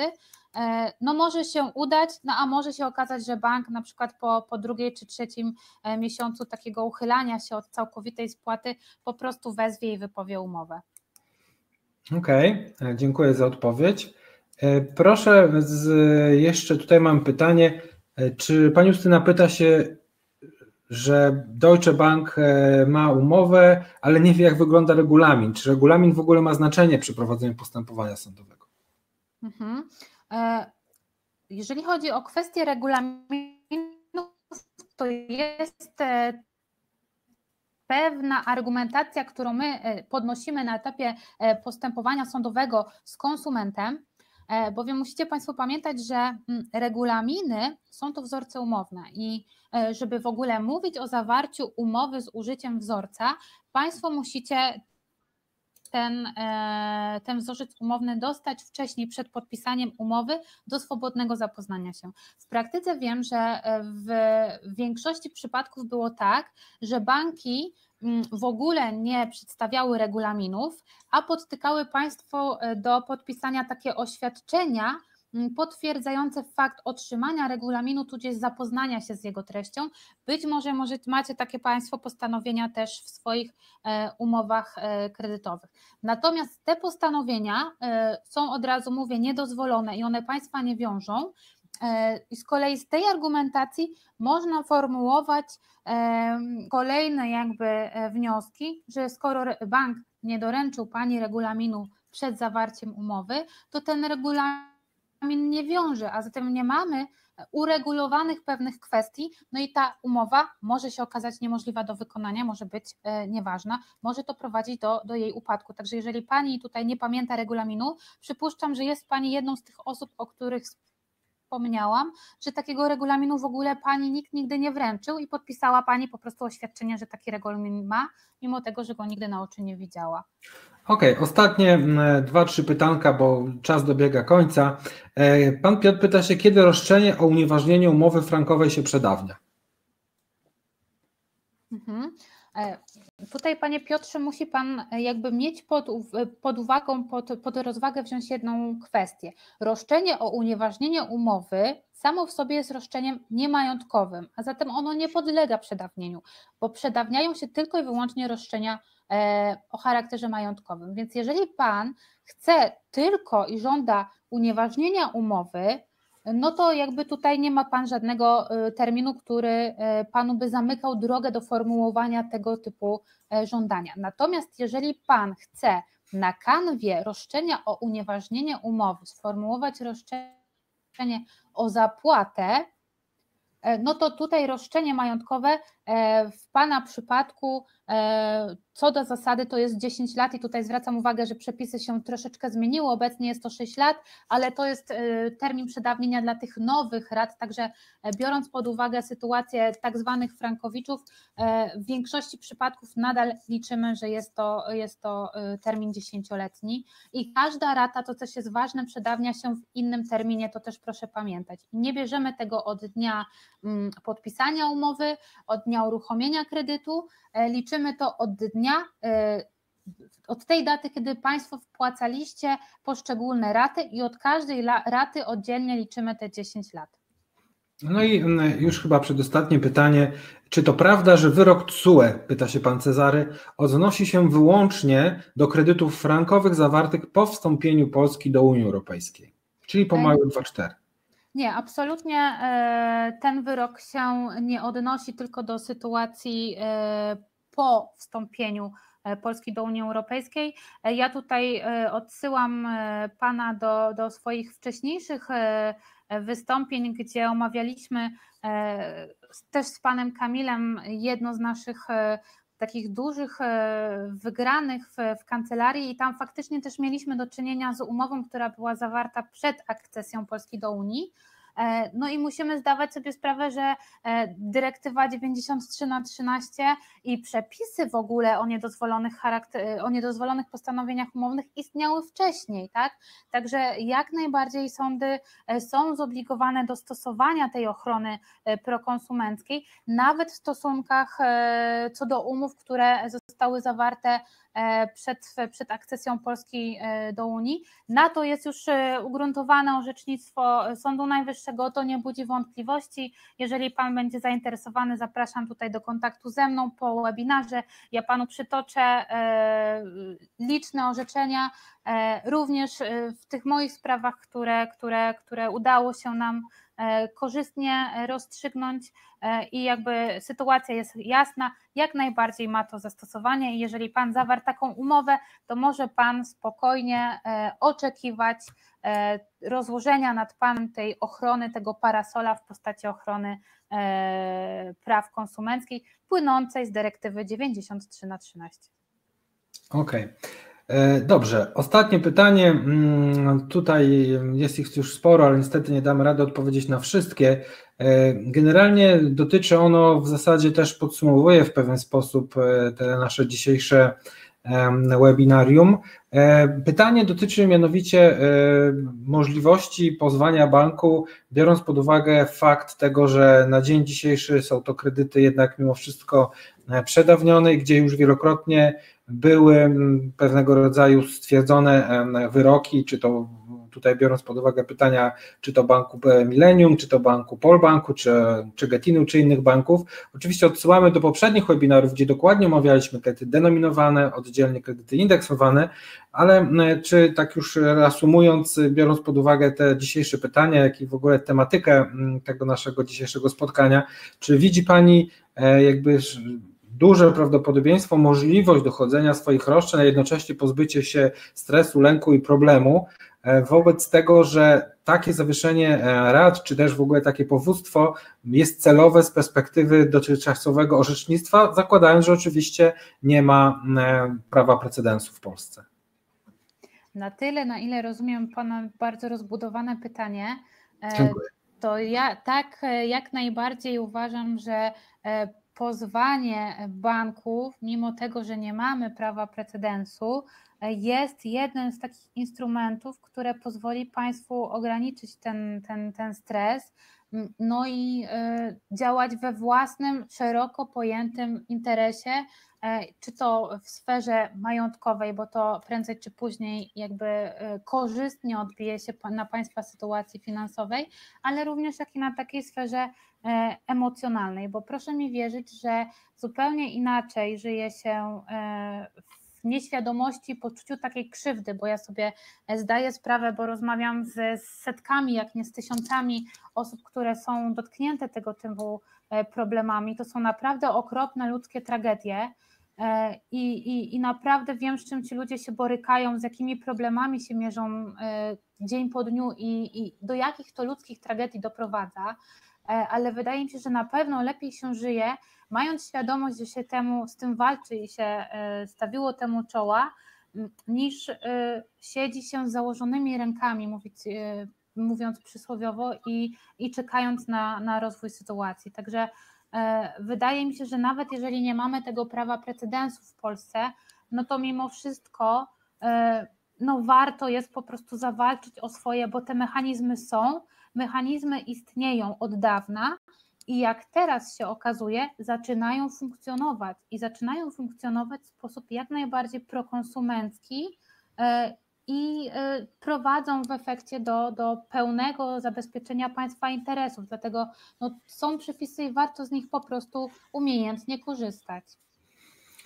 Dziękuję bardzo. To bardzo budujące, co Pani powiedziała. Na pewno wielu frankowiczów pójdzie za Pani radą, y, biorąc przede wszystkim pod uwagę ostatnie e, okoliczności i to, co wynika z działań, e, a w zasadzie z pewnego rodzaju zawężenia działań e, sądów, no bo Umówmy się, że w tej chwili sprawy, rozprawy sądowe na salach nie są prowadzone, ale przecież wymiana pism procesowych ma się dobrze.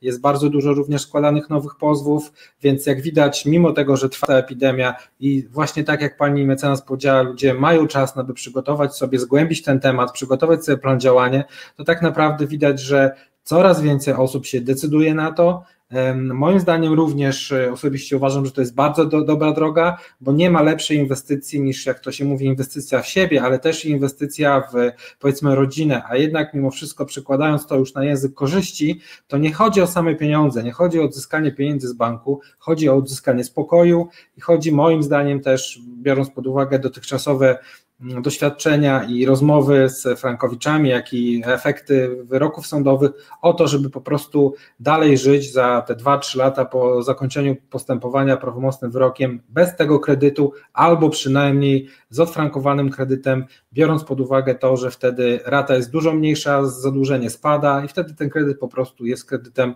zwykłym, uczciwym. Także ja dzisiaj dziękuję serdecznie za uwagę. Dziękuję oczywiście pani adwokat Marcie Chęcińskiej za przybycie na, do, do, na dzisiejszy webinar. E, wiem, że technicznie to jest nowość dla nas wszystkich, że musimy się łączyć poprzez łącze online, natomiast e, myślę, że bardzo fajnie wyszło. Tutaj było pytanie, czy mm, będzie nagrany ten webinar. Tak będzie. Oczywiście postaramy się go Państwu w niedługim czasie udostępnić. Potniemy to tak jak każdy nasz webinar na, na części, żeby nie było to jakimś jednym tak zwanym longiem, a żeby był, można było podzielić tematycznie te, te zagadnienia. Także jeszcze raz dziękuję serdecznie. Życzę e, tego, abyście Państwo mogli sobie e, mieć, znaleźć czas na zgłębienie tego tematu. Teraz długi weekend majowy, może też to będzie sprzyjało. E, I zapraszam kolejny, na kolejne webinarium. Mam nadzieję, że już w maju uda nam się również, tak jak dzisiaj z panią adwokat, poruszyć bardzo ciekawe i potrzebne zagadnienia w życiu Frankowiczów. Także dziękuję serdecznie i pozdrawiam. Dziękuję, pozdrawiam i zdrowia wszystkim życzę. Do zobaczenia. Do zobaczenia. Pozdrawiam.